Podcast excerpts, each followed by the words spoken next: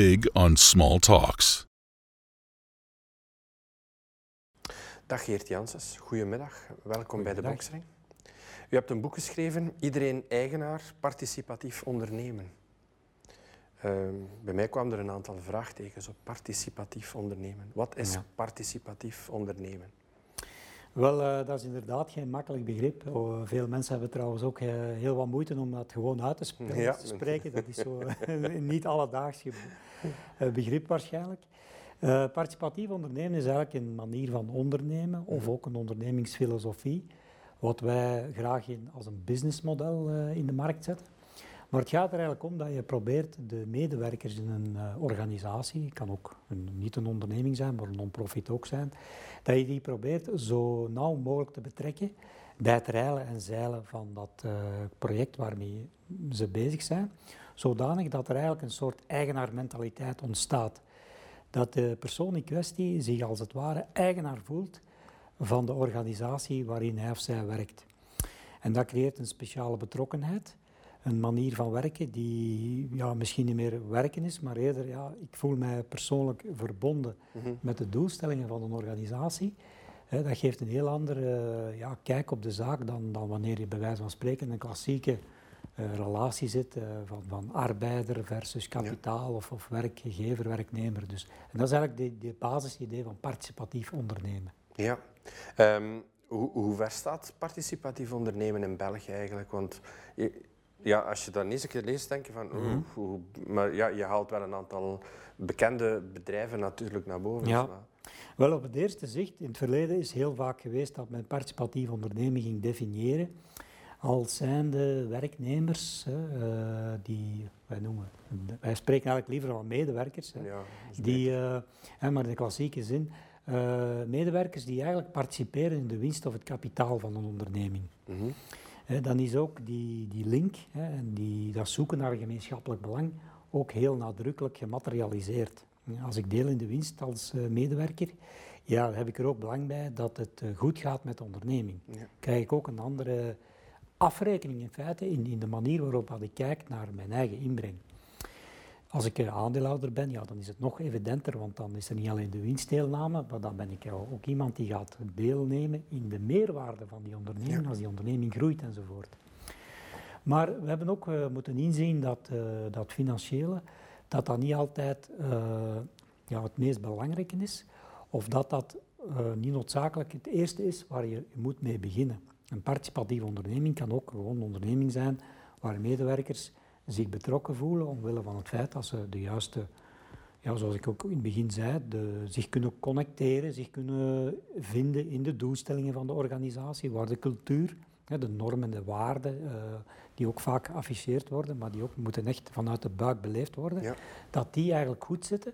En dat er ook een, een eh, specifieke vorm van leiderschap is, die, eh, ja, die medewerker ook eh, een stuk die verantwoordelijkheid kan geven. Hè. Dus ik beslis niet meer alles alleen, of het management gaat niet alles alleen beslissen, maar je krijgt in je organisatie een gedeelde vorm van beslissingname, van, leider, van leiderschap, van, van opnemen van verantwoordelijkheid, om dus dat eigenaarschap tot ontwikkeling te brengen. En tegelijkertijd ook wel, en dat, dat eh, wordt vaak vergeten, je moet ook resultaatgericht werken. Dus je moet Mhm. ook zorgen ervoor. eh, het is niet omdat ik deel in de winst.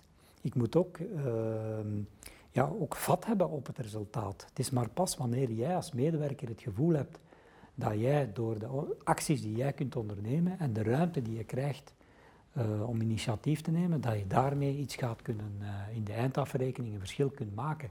Dan heb je pas een volledig eh, participatief model, zeg maar, dat de, de cirkel rondmaakt, hè, waarbij dat je niet alleen deelt in die winst, maar ook de ruimte krijgt om daar iets aan te doen en daar ook eh, in functie van KPI's of weet ik veel, Mhm. ook op afgerekend wordt. Ja, ja, ja. Dus en, en zo zijn er toch heel wat bedrijven eh, in, in België. Allee, bijna alle KMO's, alle bedrijven hebben bijvoorbeeld een CAO 90. Hè, dat is de niet-recurrente resultaatsgebonden bonus. Eh, dat is niet hetzelfde als een winstdeelname en dat, wordt ook heel, dat is nog altijd een kost. Hè. Dat is niet dat uit de winst komt, maar dat is eigenlijk iets dat nog altijd als in de kostenrekening wordt opgenomen. En wordt ook vaak gezien als een vorm van loonkost. Maar je voelt toch dat medewerkers of dat be- bedrijven beter meer en meer nadenken over de manier waarop dat ze zo'n zo'n eh, bonus eh, kunnen eigenlijk op een hoger niveau brengen. Dat dat niet iets is dat zo er nog bij komt eh, of dat niet een, een, verworven recht wordt of een soort verdoken, verkapt loon, hè, dat dan fiscaal vriendelijk is, maar dat daar eigenlijk een, een grotere motivatie kan van uitgaan, eh, door dat eigenlijk op een participatieve leest te gaan schoeien. Maar dan moet je wel een aantal parameters bijstellen en dan moet je het hele plaatje kunnen zien. En dat is eigenlijk de reden waarom dat wij de voorbije jaren gedacht hebben, kijk, eh, er zijn weinig bedrijven waar medewerkers echt puur in de winst of het kapitaal deel hebben. Hè, alhoewel dat er dan ook nog relatief veel zijn. Mhm. Maar er is een veel grotere massa aan bedrijven waar dat men toch werkt met bonussen. Eh, en waar dat men eigenlijk niet helemaal tevreden is over het resultaat daarvan in termen van motivatie. Hè, en dan, dan vooral duurzame motivatie van medewerkers. Dus laten we dat nu eens gebruiken als een, een uitdaging en ook een kans om al die bonussen die uitbetaald worden op een meer participatieve lees te schoeien. Dan krijgen we eigenlijk een, een acceleratie in, in de, ja, niet alleen de, de motivatie, maar ook de productiviteit van ons bedrijfsleven. Ja. Heb je een, een, een voorbeeld hier in België van een, van een, een bedrijf, die, eh, eh, of een gekend bedrijf, die... eh, Ja, voor ons het meest gekende bedrijf, denk ik, die eh, de cirkel volledig rondmaken, dat is Kolderuit Groep. mhm. Hè, die met bijna 30.000 medewerkers allerlei financiële participatie hebben, dus een, een bonus eh, gebaseerd op collectieve doelstellingen, eh, die eventueel kan omgezet worden in aandelen, eh, of waarmee men, die men kan gebruiken als men dat zelf wil om aandelen te kopen met een korting. Dus dat is een, een bedrijf dat ook in de cultuur heel sterk inzet op dat ja, zoeken naar dat gemeenschappelijk belang. Maar ook het management wordt eigenlijk voortdurend gestimuleerd om, om dat leiderschap te gaan delen. En die ook heel resultaatgericht werken. Hè. Dus, eh, nu, dat wil niet zeggen natuurlijk dat al die 30.000 medewerkers, dat die allemaal 100% zich eh, ja, mede-eigenaar voelen, of dat die Ja. allemaal dat eigenaarschap op dezelfde intensieve manier beleven. Maar het is wel een voorbeeld van een onderneming die probeert op een eh, zeer specifieke, voor hun ja, eigentijdse manier bijna, dat participatieve te gaan invullen. Ja. Dus, en ja, dat ook eh, gekend is. Ehm, er zijn natuurlijk ook heel wat grotere bedrijven. Uh, Ja, je- is ook een groot. In je boek haal je eh, Ja. eh, de basisvoorbeeld, Procter Gamble, hè? Daar, eh, Ja, dus de, de, de grote multinationals hebben allemaal eh, Ja. ja. een vorm van aandelenparticipatie. Vaak is dat maar een klein stukje van het kapitaal van de onderneming. Maar in sommige ondernemingen loopt dat toch hoger op, zoals bijvoorbeeld bij Capgemini, 7%. Dat is een Franse beursgenoteerde onderneming met, ik denk, eh, een paar honderdduizend mensen wereldwijd. In België een 1200, denk ik. Eh, ja, 7% van dat kapitaal van die onderneming is in handen van medewerkers. Nu, voor zo'n beursgenoteerd bedrijf waarvan het kapitaal heel eh, sterk gespreid is op de beurs, en waar er eigenlijk ook geen echte referentieaandeelhouder is, is 7% ook niet heel weinig. Dus dat is toch al een serieus stuk. Maar zo hebben de Procter Gamble's, de P&G's nu eigenlijk, hè. Eh, Procter Gamble was trouwens een pionier in aandeelparticipatie hè, in Ja. 1887. zijn ze daarmee begonnen. Ehm, ja, dus die hebben vaak eh, die vorm van participatie financieel, om toch ergens eh, medewerkers eh, ja, een stukje dat, dat gevoel te geven van kijk, je komt hier wel werken, maar je bent ook iemand die eh mede-eigenaar is. Ja. Nu, ook daar zie je, en dat is dan de, de reden waarom dat ik zo dat boek geschreven heb. Het is niet genoeg van mensen eh, een stukje aandeelhouder te maken. Om echt die participatieve cultuur en geest te krijgen, moet je dus ook die andere elementen hebben, dat dus, zoals ik zeg, de cultuur er is. Ja, als mensen aandeelhouder zijn, maar ze kunnen eigenlijk niks mee beslissen, of ze hebben niet het gevoel dat er naar hun geluisterd wordt, en eh, ja, dan is dat eigenlijk ook maar een, eh, een financiële incentive en ook Ja. niet meer dan dat. En. Dus je moet het eigenlijk wel, om het echt de, de rendementen uit die, die participatieve, productieve rendementen te krijgen, die je ook in, in de literatuur heel vaak terugvindt. Ja, want als je alle studies bekijkt van de afgelopen decennia die dat fenomeen bekijken en bestuderen, dan zie je dat er wel een, een enorm potentieel is om, om eh, de productiviteit, de winstgevendheid van een onderneming vooruit te helpen, te verbeteren. Maar je moet je wel al die participatieve elementen ook mee hebben, want met één elementje eruit te nemen, in dit geval dan de aandelenparticipatie, dat is onvoldoende. Ja, ja, inderdaad. Hoe ben je er eigenlijk toe gekomen om dit boek te schrijven? En wel, dat is eigenlijk een heel lang verhaal, want ik ben daar ook al heel lang mee bezig met dat thema. Uh, eigenlijk de organisatie Ethion, die uh, vroeger al, al, onder een andere naam dan bestond, die uh, is daar eigenlijk al van in de jaren 60 mee bezig. Mm -hmm. ja, dus, dus ook als ik in het boek schrijf, is iets dat eigenlijk al zo oud is als de straat, want het eerste participatieplan dateert van 1795, hè, toen in Amerika een verlichte geest Albert Galatin in zijn glasbedrijf, een glasfabriek, een winstpremie heeft ingevoerd. Uh, Galatin was dan iemand die nadien ook nog minister van Financiën is geworden in uh, Amerika, onder Thomas Jefferson. Dus dat was ook niet de eerste de beste. Maar, dus dat is een heel lange voorgeschiedenis. En ook bij mezelf uh, is het eigenlijk iets dat al heel veel jaren rijpt. de reden waarom het nu gekomen is, is denk ik dat echt wij wel het gevoel hebben dat voor bedrijven die in een omslag zitten, en COVID heeft dat eigenlijk alleen maar versneld, want het boek was al in, in aanloop voor COVID. -hmm. Dat je ziet dat ondernemingen die moeten snel schakelen in, in moeilijke momenten, in crisissen, en zeker nu ook door, ja, we spreken ook vaak over disruptie. Hè. Er ja. is digitalisering, er is globalisering, noem maar op. Dat als je snel wil schakelen en je wilt je medewerkers mee hebben in zo'n omschakelingsproces, dat dat eigenaarschap heel belangrijk is. Als mensen zich betrokken voelen, omdat ze zeggen van dit is ook een stukje mijn bedrijf, ja, uh, dan is dat toch een heel ander verhaal. En dan is die mentale bereidheid om snel uh, mee te gaan in een verandering veel groter dan wanneer dat men toch een beetje meer die afstand heeft en je in zo'n klassieke benadering zit van wij tegen zij. Een, een benadering die in ons sociaal model spijtig genoeg nog heel vaak terug te vinden is. En dat zit een beetje gecultiveerd in het sociaal overleg waarbij de werkgevers en de werknemers dan de klassieke loopgraven zitten en tegen elkaar uh, moeten, nou, zoals een beetje een boksring hier, en proberen elkaar een uppercut te geven, maar ook uh, vaak een beetje in een uh, loopgraven zitten en dan daar ook niet echt durven uitkomen. Dus ook zich niet durven blootstellen. Hè. Ja. Um, als bedrijf, wanneer of hoe zou je die beslissing nemen om, om, om echt participatief te ondernemen? Ja, dat is een moeilijke, omdat uh, wij, wij, wij begeleiden, we zijn geen consultants, maar we gaan bedrijven mee in die mm -hmm. gedachtegang introduceren. We gaan ze ook begeleiden naar, naar de juiste kanalen die hen kunnen verder helpen. Uh, vaak gebeurt het vanuit een ja, noodzaak, hè, dat men voelt van... Wij doen ook heel regelmatig toekomstverkenningen met bedrijven ja. en dan stellen wij vast, of dan stelt het bedrijf zelf vast, of de bedrijfsleider, ja, door alle verandering binnen vijf jaar bestaan wij waarschijnlijk niet meer. Hè. Dus ons product verdwijnt of uh, alles gaat ja, gedigitaliseerd worden. Of de, de wereld verandert zodanig snel dat we toch onszelf moeten gaan een stukje gaan eruit vinden. En dan kan zo'n participatieve insteek daarbij helpen, om, om dat ook als een, uh, als, als een soort katalysator te gebruiken om die verandering te versnellen. Maar het kan ook gewoon zijn dat een bedrijfsleider voelt dat uh, ja, niet alleen dat, dat, dat zijn bedrijf of zo voorbestaan bedreigd is, maar gewoon vanuit de buik van, ik voel dat het niet meer alleen, op, dat ik dat niet meer alleen kan hier. Dat er te veel mensen rondom mij zijn die uh, dit mee moeten dragen en die ook uh, ja, een stukje dat bedrijf gaan moeten in de toekomst helpen verder uh, ondersteunen. Want ik als bedrijfsleider, ik word meer en meer in feite afhankelijk van anderen. Vroeger had je iemand die, die alles kende en die alle beslissingen kon nemen. Vandaag kan dat niet meer. Ook als je snel wil schakelen, is, is hiërarchie en te veel lijnen daartussen. Dat, dat vertraagt de beslissingsprocessen.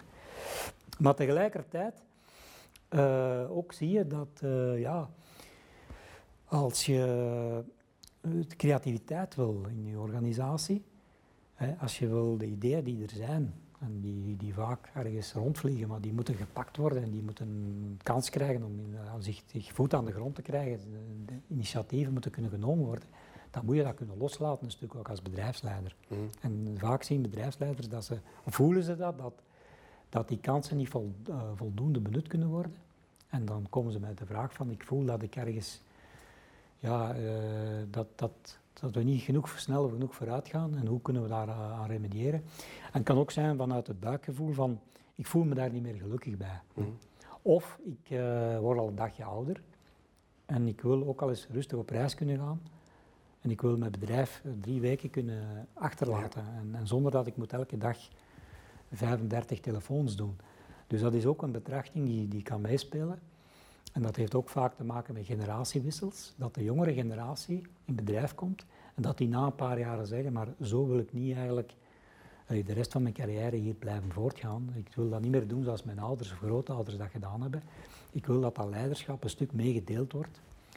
En dan kan participatie daar in feite een uh, heel uh, interessante oplossing voor bieden. Ja. Is dat niet een beetje eng voor, voor traditionele bedrijven, je haalt het aan, familiebedrijven, hmm. die dan de beslissing zouden nemen van we gaan toch omschakelen naar dit systeem? Want uiteindelijk geven ze toch een ja, stukje macht uit de handen. Ja, dat is een hele moeilijke. Zeker als je meerdere generaties hebt, mhm. dan is het voor de huidige generatie niet evident om uh, ja, die beslissing te nemen. Want je gaat eigenlijk een beetje in tegen wat er al zoveel generaties lang mhm. is gebeurd. Hè. Dus dat is een zware verantwoordelijkheid. Langs de andere kant, uh, de generaties voelen ook wel vandaag aan dat dat ook een stukje noodzaak zal zijn. Uh, en dat als men dat niet doet, dat men dan eigenlijk ook de, de toekomstmogelijkheden van een bedrijf in gevaar kan brengen. Dus, dus uh, dat, is, dat speelt ook mee. Nu, men moet ook niet onmiddellijk uh, alles omgooien. Het is, het is maar pas wanneer je bijvoorbeeld echt zou zeggen, wij gaan het aandeelhouderschap ook opengooien voor uh, medewerkers mm -hmm. of voor anderen, dat dan eigenlijk die, die beslissing denk ik echt moeilijk wordt, of dat dat dan de grote stap wordt. Maar eigenlijk de omschakeling naar een andere cultuur bijvoorbeeld al om te beginnen, of ook die meer die resultaatgerichtheid, dat is toch vaak iets dat van bij de mensen uit de buik zelf moet komen. En dat is ook iets wat uh, wij ook een, eerst eigenlijk nagaan. Als iemand uh, zijn bedrijf wil gaan omvormen naar een participatieve onderneming, dan moet je eerst beginnen met jezelf. Mm -hmm. uh, de vraag is, wat is het mensbeeld? Als je vertrekt van een mensbeeld van wantrouwen, als je je eigen mensen niet kunt vertrouwen, mm -hmm en dat moet natuurlijk niet, niet absoluut zijn. Je kunt niet iedereen even hard vertrouwen, maar je moet vanuit toch de basisidee vertrekken dat je kunt mensen vertrouwen. En dat als je ze vertrouwen geeft, dat ze dat niet gaan uh, misbruiken of beschamen. Ja. Als je vanuit die gedachte kunt vertrekken, dan heeft participatie een, uh, dan, dan, heeft dat een kans. Uh, dus dat is een eerste zelfonderzoek waar je als bedrijfsleider moet, of als bedrijfsverantwoordelijk moet mee beginnen. En uh, dat is ook geen gemakkelijke oefening. En uh, ik heb uh, gezien dat er hier in deze stoel ook al mensen gezeten hebben die daarmee bezig zijn of die daar een specialiteit van gemaakt hebben. Om dus ja, bedrijfsleiders of managers eerst hè, met die oefeningen een keer te laten doen van hoe sta ik zelf eigenlijk daarin. En waar moet ik zelf een beetje aan knopjes gaan draaien opdat ik eerst daar kan voor openstaan. Ja, als, als medewerker als je daarin ja, participeert, ben je dan een investeerder of ben je dan eerder een belegger? Ja, dat is een goede vraag, want uh, ja, het is zeker zo, als je kijkt naar die grote multinationals, waar medewerkers aan een stukje van hun loon kunnen omzetten in uh, aandelen, heel vaak gaat dat via een soort spaarformule. Een heel goede formule, want dat zet mensen ook aan tot sparen. En mensen gaan ook meer sparen. In de veronderstelling dat sparen goed is. Allee, we, hebben een beetje een spaarcultuur. Ja, maar dus dat zet mensen aan tot sparen. Uh, en dat is eigenlijk beleggen. Hè. Heel vaak is dat gewoon, ik wil uh, ja, mee profiteren van het feit dat we in een bedrijf zitten dat, dat goed presteert. Uh, ja, zeker vandaag. Spaarboekje brengt ook niet veel op. Waarom het dan niet in aandelen steken van de onderneming waar ik zelf werk, waar ik zelf in geloof. Maar de bedoeling is, en dat is ook uh, persoonsgebonden, dat mensen toch een stuk ook, uh, dat ook een stuk als een investering gaan zien, maar dat niet noodzakelijk als zijnde iemand die dan zegt, ik heb zoveel procent van de aandelen, ik ga nu de beslissing nemen, maar wel, ik werk hier en ik voel mij toch een stuk betrokken. Ik weet dat als ik hier morgen een idee op tafel leg, ja, dat dat ook kan bijdragen tot de verbetering van het resultaat. Natuurlijk, in een grote multinational is de afstand tussen dat resultaat en wat je zelf doet is heel groot. Dus dat is niet evident. Maar je ziet toch dat ook in, in uh, grote bedrijven, ik spreek dan over een Colruyt of een Capgemini, hè, zoals ik in het boek aangeef. Ja. Hè, maar ook uh, zeker in, in, kleinere bedrijven, in KMO's, uh, die, die heel vaak werken met aandelenopties. En die dan meer en meer beginnen open te stellen ook voor niet alleen de kaderleden, maar voor, voor een bredere groep van bedienden bijvoorbeeld zie je toch dat dat, dat eigenaarschapsgevoel van, en, en, dan zitten we in de richting van de investeerder. Ik ben hier, uh, ik steek een deel van mijn centen in dit bedrijf. En ik kijk toch ook een beetje met de ogen van, van een echte eigenaar. Van, Ja. hè, dit is een beetje van mij en ik wil dat dat hier eh, ja, proper is. Ik wil dat, die, dat de boel hier niet afgebroken wordt, want ik voel mij mee verantwoordelijk. Ja. In welk soort bedrijven, als je dan spreekt over KMO's, in welk soort bedrijven komt het eigenlijk het meest voor, het partici- participatief ondernemen? Eh, ik kan er moeilijk echt zo- zo'n lijn doortrekken. Dus eh, dat zie je ook in alle landen. In Amerika is het heel sterk ingeburgerd, Mhm. in de UK. Eh, in Frankrijk eigenlijk ook, omdat het daar ook een stuk door de wetgeving en dat dateert van de tijd van Charles de Gaulle. Ja, klopt. En zover gaat dat terug. Eh, met verplichte winstdeelnamen enzovoort. Eh, je ziet dat het eigenlijk een stukje ja, zeer divers is. Het hangt van de, van de bedrijfsleider af natuurlijk, van de bedrijfsleiding, van, van de cultuur, van, van het verleden dat er is. En het is ook, ja, ik kan niet zeggen het is die sector of het is die grootte. Je ziet wel dat bijvoorbeeld nu de winstpremie, die in 2018 is ingevoerd in ons land, dat die bijvoorbeeld wel heel populair is bij heel kleine bedrijven met minder dan 20 werknemers. Dus op een of andere manier hebben die kleine eh, bedrijfjes toch ergens, ja, moeten die dat ergens eh, gesmaakt hebben. Je ziet dat eigenlijk in de onderzoeken van de sociale secretariaten, Mhm. Eh, zoals Acertas en zo van deze wereld, Ja. die doen regelmatig enquêtes hè, bij die bedrijven over winstpremie en, en andere verloon, verloningsvormen. Of dit is eigenlijk een, ja, Meer iets meer dan een ja. simpele be- beloning, het is echt al participatief. Dus ja, dat, dat dat vaak kleine bedrijven zijn. Maar ik moet ook zeggen, en dat is ook geen toeval, eh, in het boek staan er ook heel wat eh, voorbeelden van ICT of IT-bedrijven. Ja, daar wou ik eigenlijk naartoe, omdat dat de, de nieuwe En- generatie is. Hè? Ja, en dat is geen toeval. Hè. En dan zit je toch een beetje met een sectorgebondenheid van eh schaars talent, jong talent ook. Ehm, ook de manier van werken, eh, software ontwikkelen, is toch iets heel eh, teamgebonden geworden. Ja. Met die scrum-technieken, van, waarbij dat je dus niet meer de techneuten hebben die in een kamertje of weet ik waar zitten leuke dingen uit te denken, die misschien technologisch wel heel fantastisch zijn, maar waar de klant niet altijd mee gediend is. Dus de kunst vandaag daar is, hoe stem ik eigenlijk heel die ketting af, zodanig dat uiteindelijk de klant ook een product heeft dat hij verwacht en dat die, die eh, dus in die keten, in die ketting, eigenlijk elk onderdeeltje ook wordt afgetoetst. En dat gaat dan met zo'n scrum, en dat zijn teams, hè, multidisciplinaire teams die met elkaar moeten samenwerken in slots. En ja, en dat, vergt dan toch een grote mate van betrokkenheid. En als je daar dat eigenaarschap kunt ontwikkelen, die manier van, van eh, betrokkenheid kunt genereren, is dat een enorme troef om, om zo'n eh, ja, eh, team eh, goed te laten functioneren. ja. Is het interessant voor scale-ups? Bedrijven die echt wel... Ja, ja, natuurlijk op een bepaald moment als bedrijven groeien, en zeker vanuit een start-up, en ze moeten ja, nieuw kapitaal aantrekken. Of ze zoeken mensen die ook mee de zaak een stuk gaan dragen, de Ja. schouders eronder zetten. Daarom niet altijd voor het kapitaal zelf, maar vooral om het talent aan boord te houden. Ook in die IT-bedrijven trouwens is dat een, een heel belangrijke drijfveer. Dus het schaars talent kunnen behouden, aantrekken, retentiemanagement. Maar zo ook zeker in die, die beloftevolle start-ups die dan willen doorgroeien. Dan kan aandelenopties of aandelen kan dan een heel interessante ja, eh, tool zijn, zeg maar. Om, eh, maar dat zijn twee verschillende werelden. Dus de wereld van de start-ups, waar dat heel frequent gebruikt wordt, en in de bestaande onderneming. Dus eh, waar dat eigenlijk al, al heel lang, mensen al lang werken. Dus, maar, maar je ziet wel dat in die start-up wereld die, die participatie via aandelen, dat dat daar, of zeker aandelenopties ook, eh, dat dat daar ook wel eh, echt een, een scherige inslag is. Ja.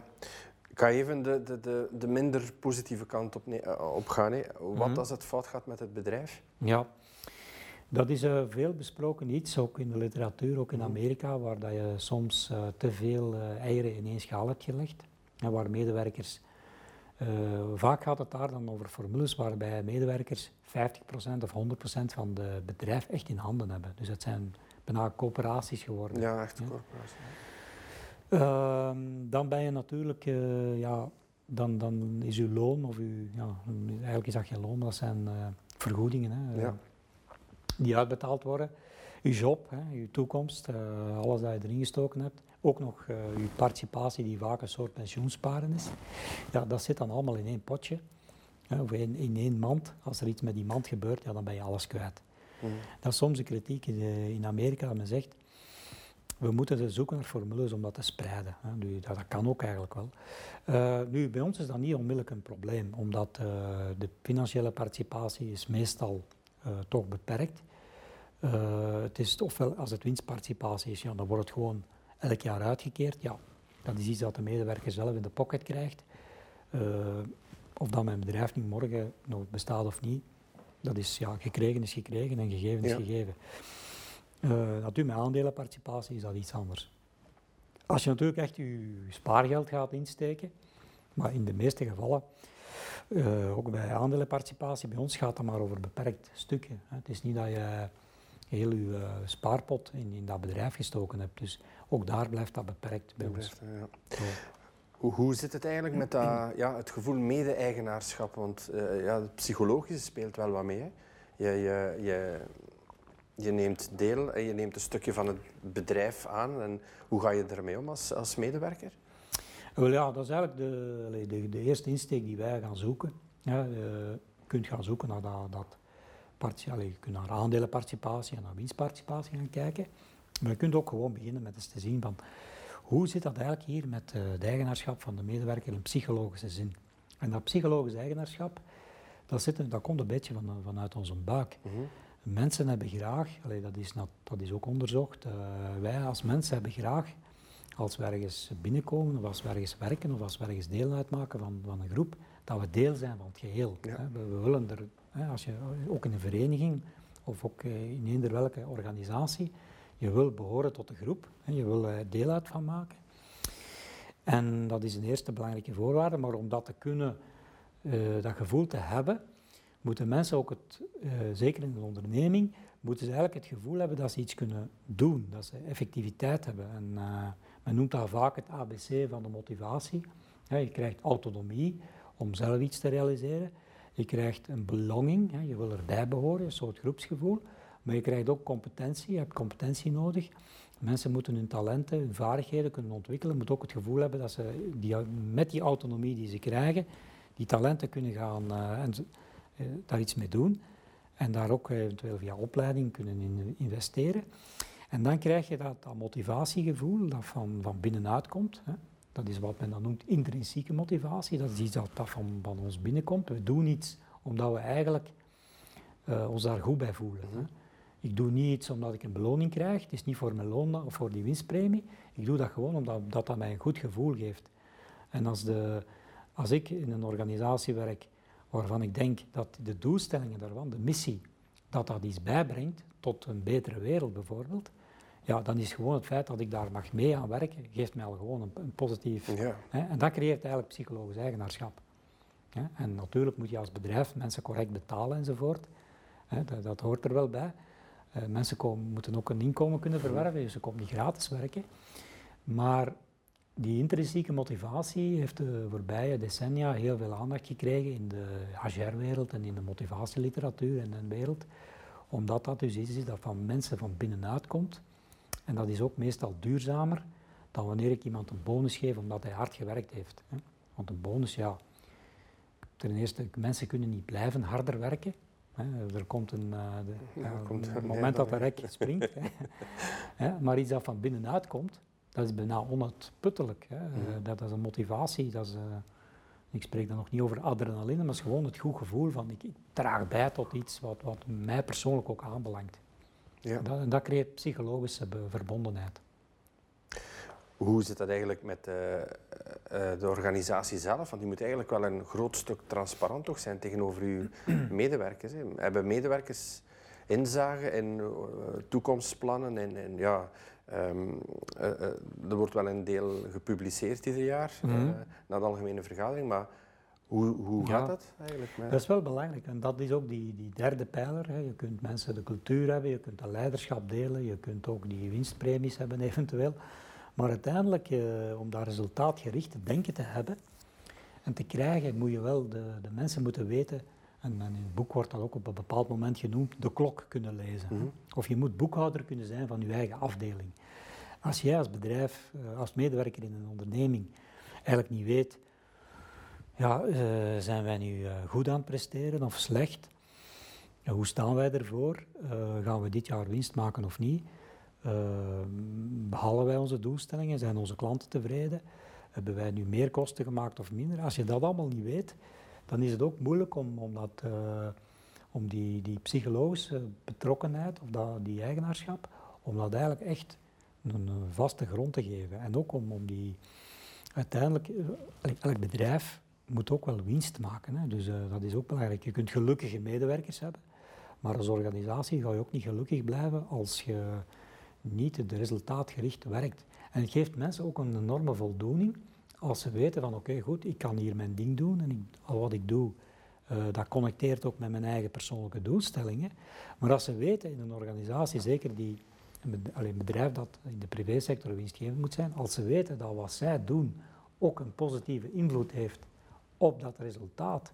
En als zij ook zien dat zij eventueel door hun uh, gedrag aan te passen dat resultaat positief kunnen beïnvloeden, dat zij het gevoel hebben dat ze niet alleen de klok kunnen lezen, maar ook de klok kunnen afstellen of bijstellen wanneer het nodig is, ja, dan krijgt die motivatie een extra stimulans.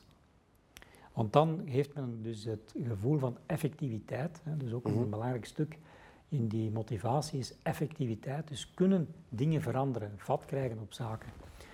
En dus moet je wel als bedrijf transparant kunnen zijn over ja, hoe goed doen wij het. Ook uh, de manier waarop dat het werkt. Hè. Dus het is niet alleen een kwestie van gaat het nu goed of slecht met ons in financiële termen, maar ook hoe werkt het bedrijf, hoe werkt mijn afdeling, uh, op basis van welke KPI's denken wij. En KPI is een groot woord, maar uh, je moet toch ergens een, een, aantal parameters hebben waarmee dat je kunt aangeven uh, of dat ja, de afdeling of het team hè, uh, of, of, de groep uh, goed bezig is en, en, of dat er moet bijgestuurd worden. Dus je moet op dat resultaatgericht gaan, gaan werken. Ja. En als je daar dan nog eens die beloning aan koppelt, ja, dan, dan maak je een hele plaatje. cirkel rond. Hè. Ja. Geert, voor wie is het boek eigenlijk geschreven? Het boek is in de eerste instantie geschreven voor dus bedrijfsleiders die zich afvragen hoe kan ik een toekomstgerichte organisatie uitbouwen in een omgeving die, ja dat is een modewoord, maar het is ook wel de realiteit, disruptief is. Mhm. In een wereld waar ook, uh, door COVID uiteraard nog meer, maar ook in een wereld waar medewerkers toch wel een stukje, en men spreekt vaak over generatieverschillen, dat zal wel een stuk overdreven zijn, maar toch medewerkers die ja, meer verwachten van een onderneming en die ook mondiger zijn geworden. kijk naar de opvoeding van, van onze ja, generaties, uh, al, al bezig natuurlijk, maar Jongeren spreken vandaag tegen. je, je, gaat veel meer in dialoog als ouders ook mhm. met jongeren, met kinderen. Dus uh, je krijgt generaties die mondiger zijn geworden en die ook in een onderneming uh, iets meer in de pap willen te brokken hebben en die dat ook willen duidelijk maken. En ook, uh, en dat is wel ook een trend denk ik, de duurzaamheid speelt ook een belangrijke rol. zeker door COVID hoop ik dat dat nu ook effectief wel een versnelling hoger schakelt. Mm als medewerkers een organisatie moeten helpen omturnen uh, naar een duurzamer model of meer circulair gaan werken enzovoort, dan is dat participatief ook een heel dankbaar iets. Dus het is ook een manier om je organisatie weer vlotter te laten uh, ja, stroomlijnen met, met die nieuwe trend. Ja. Uh, het participatief ondernemen en de toekomst, hoe zit dat ermee? Is dat echt een, een, een iets van de toekomst? Of? Wel, Langs de ene kant, uh, als ik terugkijk naar de geschiedenis, moet ik zeggen dat blijft waarschijnlijk voor een beperkte groep. Mm -hmm. hè, want als je, ja, het bestaat al sinds 1795, dus er zijn allerlei verlichte geesten, pioniers, die ermee aan de slag gegaan zijn. Het is nooit echt mainstream geworden. Langs de andere kant, uh, dat is bij het schrijven van het boek eigenlijk mij nog meer duidelijk geworden. Uh, de meeste organisaties hebben allemaal sporen van participatief werken. Dus, uh, en je ziet ook dat de trend van, van uh, het autoritair leiderschap enzovoort, dat dat toch eigenlijk algemeen achterhaald is. Je moet natuurlijk nog altijd leiderschap hebben, hè. pas op, het is niet dat alles uh, zomaar losjes kan, maar, maar toch, je ziet dat dat verandert. Dus ik denk wel dat met de tijd waarin we nu leven, dat bijna elke organisatie op een of andere manier toch stukken participatief werken zal moeten inbouwen in, in haar businessmodel of in haar geheel. En dat dat toch uh, misschien nu de time, de time is now, denk ik dat wel, ja. En of dat dat dan de mainstream wordt, dat weet ik niet. Maar ik moet zeggen, sinds de publicatie van het boek heb ik eh, al enorm veel bedrijfsleiders aan de lijn gehad, en ook per mail, die zeggen ik heb het boek al gelezen of ik heb het boek bekeken en het heeft mij toch een belletje doen rinkelen. Mhm. En allee, ik heb nog boeken geschreven, maar dat is toch de eerste keer dat ik zoveel reacties krijg van, van bedrijfsleiders die zeggen ik ga daar toch eens over nadenken. Dit is iets eh, ja, dat inderdaad toekomstgericht is. Ja, het is eigenlijk wel, inderdaad, als, als je het boek leest en Mhm. je hoort je verhaal, is het eigenlijk wel ideaal om mensen te betrekken en te motiveren in je bedrijf. hè, Om Ja. je bedrijf te laten verder groeien. Hè. Ja, en bedrijfsleiders zijn toch nog altijd op zoek naar groei. Hè. Dus ja, absoluut. Ik denk dat dat ook soms misschien wat een allee, fetish kan zijn, maar ik zie ook in de realiteit, ehm, ja, als je niet groeit in een wereld waar al zeker vandaag de disruptie, maar ook de, ja, er zijn langs alle kanten productiviteitswinsten, Mhm. waardoor dat eigenlijk de, de markt een stuk verandert. En als je niet meegaat in die verandering, en of dat, dat dan echt groei moet zijn in, in reële, reële kwantitatieve termen, dat is nog iets anders, maar je moet zeker kwalitatief meegroeien. Dus je moet je organisatie voortdurend her- herdenken en je moet ook je eh, processen herdenken. En dat vergt eigenlijk ja, een participatieve manier van werken. Je Ja. kunt dat niet meer alleen. Je moet echt mensen hebben die meedenken en die ook het gevoel hebben van ik zit hier ook als een stuk mede-eigenaar. Want als dat gevoel er niet is, ja, dan, dan heb je bij wijze van spreken 9-to-5'ers. Ja, klopt. Maar met 9-to-5'ers kun je vandaag niet meer de organisatie up-to-date houden. Hè. En het gaat er niet om dat de mensen moeten per se harder werken of meer uren werken, want dat, daar gaat het niet om. Het gaat erom dat je gewoon moet ja, de betrokkenheid hebben om eh, op die momenten dat je met dat bedrijf bezig bent, daar ook mee bezig bent alsof dat het iets is van jezelf is. Ja, inderdaad. Ja. Ehm, veel bedrijfsleiders zullen wel al eens over nagedacht hebben, hè, hoe het verder moet nu met hun bedrijven. Want iedereen heeft al even de tijd gehad, Mhm. bij de meesten toch, om ja, een toekomstbeeld te bepalen. Van. Ja, dus in die COVID-tijd nu zeker allee, de, de bedrijven. eh, natuurlijk, sommigen hebben heel veel werk, hebben meer werk gehad dan anders. Maar de, de crisis doet wel bedrijven nadenken. Ja. Ehm, je krijgt van alle processen, je moet eh, ja, niet alleen, sommigen hebben gewoon meer werk, maar je moet ook gewoon, je moet een keer inbeelden in de productievloer. Op de productievloer, een jaar geleden, men werd wel geacht om verder te werken. De, ja, de consumptie moest wel blijven doorgaan. Maar je staat op een werkvloer waar die mensen ook zich hebben afgevraagd van ja, maar men, wordt, men vraagt me wel om te komen werken, maar wij zijn ook mensen die kunnen besmet worden. Wij staan hier ook eh, op de werkvloer. Dus een jaar geleden was dat niet evident. En nu ook vandaag nog zie je dat ook eh, heel die verandering met COVID, ja, de supply chain, eh, er is nu trouwens een heel grote, dat zal hopelijk maar tijdelijk zijn, en dat heeft niet alleen te maken met die blokkage in het Suezkanaal, dat was daarvoor ook al. Er is een enorm eh, probleem van, van logistieke aanlevering, Ja. toelevering. Het zit in alle sectoren, dus eh, in, in- het zit ja, tot de kleinste vijsjes en boutjes die je vandaag niet meer kunt vinden. Dus Inderdaad. bedrijven beginnen ook na te denken over hoe kunnen wij toch die supply chain ontdubbelen of meer naar hier halen. Dat is iets dat je natuurlijk niet van de ene dag op de andere doet. Maar ook dat vergt weer heel veel mentale flexibiliteit, eh, meedenken van, van medewerkers. Eh, ja, ook reorganisatie, misschien ook in, de supply keten. Dus eh, nieuwe samenwerkingsverbanden, eventueel fusies, overnames. En dat is iets dat nu de komende tijd, door COVID, ook door eventuele faillissementen die op til zijn. Want we zitten nog met een eh, post-COVID afhandeling van allerlei ja, processen die nog moeten, als de maatregelen wegvallen. Dus dat gaat heel veel ja, verandering vragen en, en dan is participatie ook weer iets dat een bedrijf kan, kan helpen om daarmee om te gaan. Ja, participatief ondernemen, zeker iets om in de toekomst in de gaten te houden. Hè. Geert Jansen, iedereen met iedereen eigenaar, bedankt voor dit gesprek. Dankjewel, met alle plezier gedaan. Alsjeblieft. The Box Ring. Big on small talks.